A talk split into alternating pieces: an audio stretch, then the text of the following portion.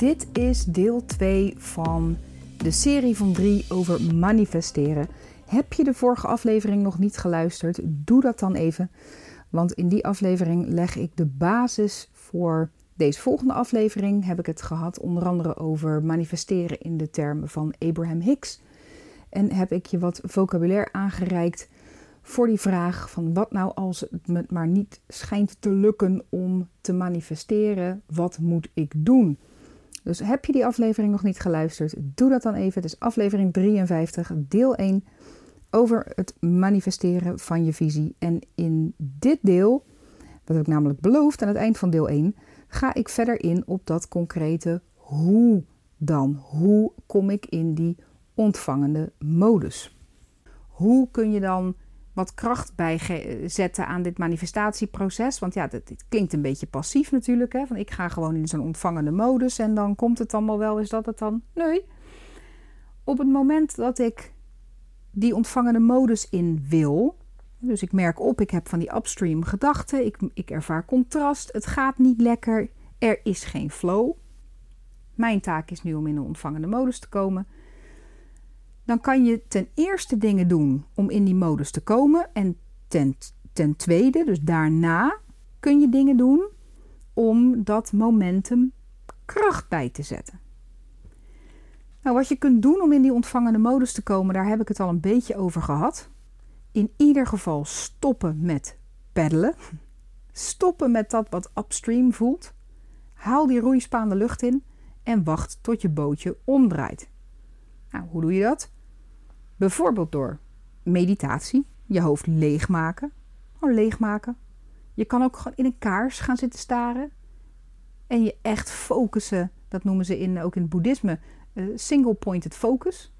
Hele sterke manier om je zo sterk te concentreren op iets. Bijvoorbeeld zo'n zo'n vlammetje van een kaars. Waardoor al die upstream gedachten gewoon geen kans meer krijgen. En dan komen die ook vanzelf tot stilstand. Dus dat kan. Je kan journalen, zodat je je gedachten gewoon leeg schrijft en dan schrijf je jezelf rustig een andere kant op. De muur schilderen. Ja, ja, dat kan. Dan krijg je dus de categorie van afleiding. Die is nog beter dan mediteren, journalen. Want je blijft dan toch nog een beetje aan de slag met... ik moet mijn gedachten stoppen. Ik moet mijn hoofd leegmaken. Ik moet die pedal omhoog doen. Het is nog een beetje tricky. Zeker als je wat verder in het proces bent, kan dat heel goed dat het daarmee gewoon lukt. Maar als je een beetje nieuw bent in dat soort practices, dan kan het best wel tricky zijn. En dan wil je dus vooral zorgen dat je aan die other end of the stick komt te zitten. En Abraham zegt dan: wees verstandig, pak gewoon even een hele andere stick.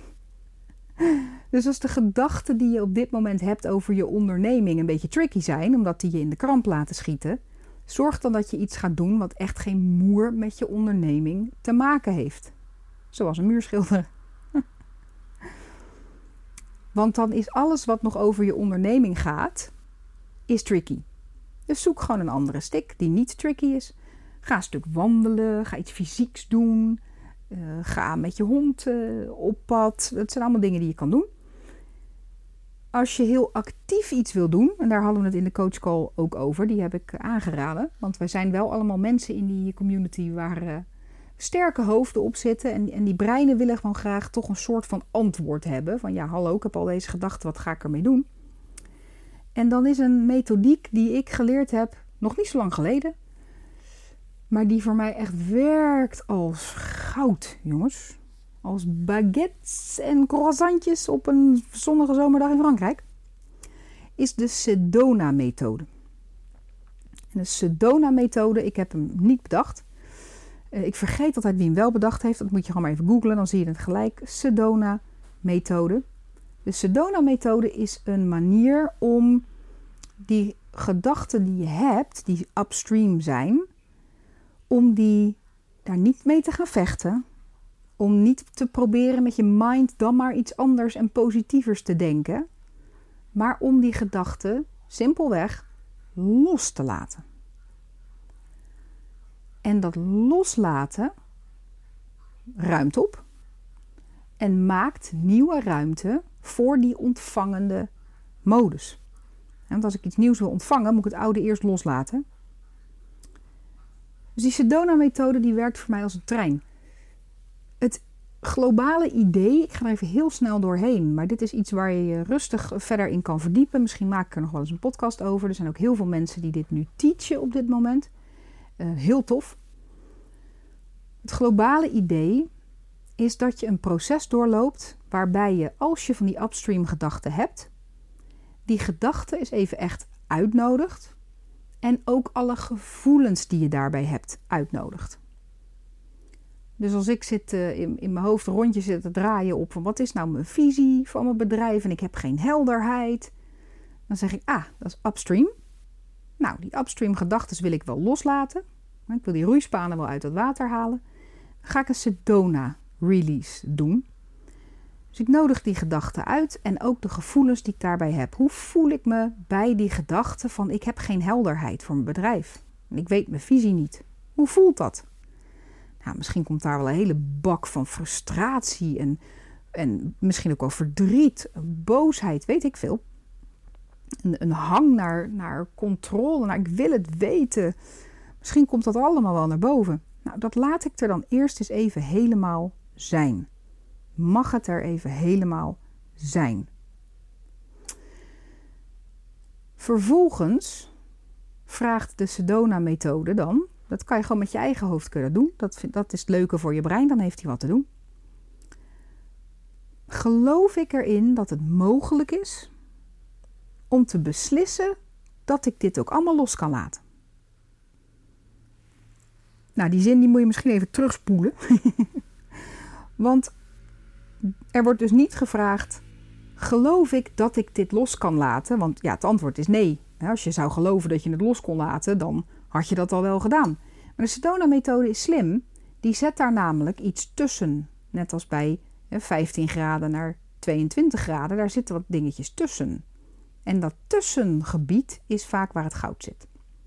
De Sedona-methodiek vraagt dan niet: geloof ik dat ik het los kan laten? Maar vraagt: geloof ik dat het mogelijk is om te besluiten het los te laten? Kan ik het gewoon beslissen?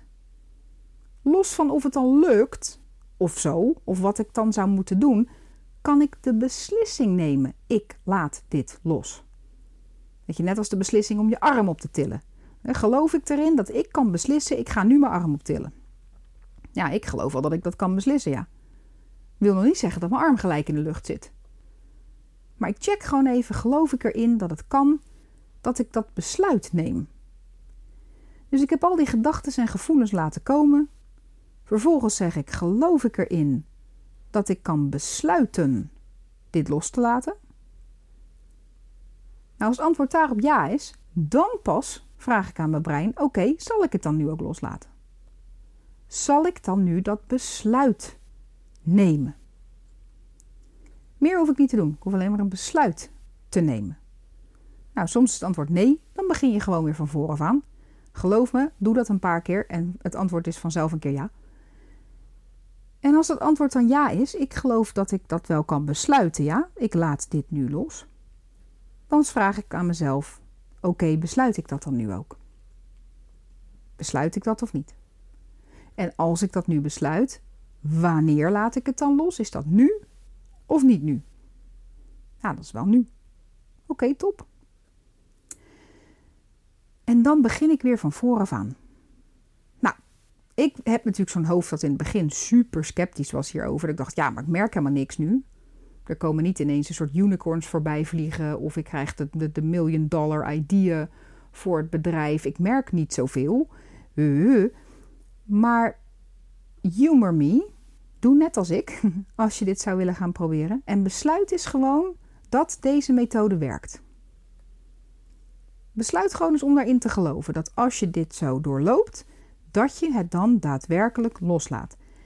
En doorloop dat rondje dan eens een paar keer op diezelfde gedachten en gevoelens. Je neemt hetzelfde issue dan weer van vooraf aan in gedachten. Van nou, wat dacht ik ook alweer? Oh ja, ik heb geen helderheid op mijn bedrijf. Ik weet helemaal niet wat mijn visie is. Hoe voel ik me daarbij? Gefrustreerd en boos en verdrietig. Oké, laat maar even komen. Voel al die gevoelens. Mag het er even helemaal zijn? En vervolgens stel ik mezelf de vraag: geloof ik erin dat het mogelijk is om de beslissing te nemen: ik laat dit los? Nou, doe dat rondje een paar keer en ik beloof je dat er dus op gevoelsniveau hele grote shifts gaan plaatsvinden. Dat je na een tijdje die hele issue, op het moment dat je hem weer, weer naar boven haalt, oké, en hoe voel ik me daar dan bij? Oh, verdrietig. Die is niet meer zo. Het zit er niet meer. Je hebt het daadwerkelijk losgelaten. Iedere keer dat je iets loslaat, zit je meer in de ontvangende modus. Dus als je het hebt over die hoe, hoe kan ik in die modus komen waarin ik weer kan gaan manifesteren? Dit is er een van. Dit is een hele krachtige. Zorg dat je released en iedere keer dat je iets released zit je meer in die ontvangende modus. Nou, dan hoorde je me net even zeggen, als je gaat manifesteren. Nou, we hebben het net even gehad over het manifestatieproces, hè, hoe dat dan werkt in energie. Je komt dat contrast tegen. Daarmee doe je een bestelling bij het universum. Het universum gaat voor je aan de slag. Jouw werk is, kom in die ontvangende modus. En dan wil ik het even hebben over het hele concept: ik ga dat manifesteren. Ik ga X of Y manifesteren.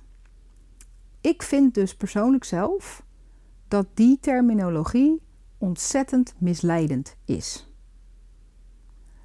Want daarmee suggereer je dat ik zelf helemaal verantwoordelijk kan zijn voor als ik iets in mijn hoofd heb, van zo wil ik het en zo wil ik het precies, dat ik dat dan ook exact op die manier gemanifesteerd krijg. Nou, en misschien lukt me dat ook nog wel, hè, op wilskracht en op uh, focus en controle en weet ik veel. Maar, en dit is echt een maar, nogmaals, het universum spreekt geen Nederlands. Dus als ik zeg, ja, ik wil graag uh, uh, 3 miljoen op mijn bankrekening, een heel groot huis, drie auto's en een bootje. Ja, dat zal het universum een worst wezen. Hè? Die gaat, die, er zit niemand met een soort notitieboekje aan de andere kant van de lijn dat op te schrijven en dat dan door te geven aan uh, de helpers en zeggen: ga, kijk, ga dat eens regelen voor diegene. Zo werkt het helemaal niet. Het gaat over een intentie die daarachter zit. Waarom wil ik precies die dingen? Nou, waarschijnlijk omdat daar iets achter zit als, hè, als, als je dit voorbeeld even aanhoudt, van ik wil comfort. Ik wil overvloed ervaren. Eh, ik wil graag uh, ruimte, ook fysieke ruimte in de vorm van zo'n groot huis. Dus ik, wil graag ruimte ervaren. Uh, ik wil um, overal naartoe kunnen waar ik naartoe wil. Op een manier die ik heel leuk vind. Hè. Dat zit dan achter zo'n zo'n zo'n mooie grote auto. Ik wil, ik wil op het water kunnen zijn. Nou, dat zit dan achter zo'n boot. Dat, er zit meer intentie achter. Want waarom wil ik dan op dat water zijn? Nou, vanwege het gevoel van vrijheid en één zijn met de natuur. En er zit allemaal intentie achter. En die intentie is hetgeen wat kan manifesteren. En het universum weet vaak veel beter dan wij, omdat daar namelijk al heel veel momentum op zit. Die rivier, die stroom, die stroomt al een tijdje. Dat is van ver voordat wij geboren werden. In dit leven stroomde dat riviertje al van die flow.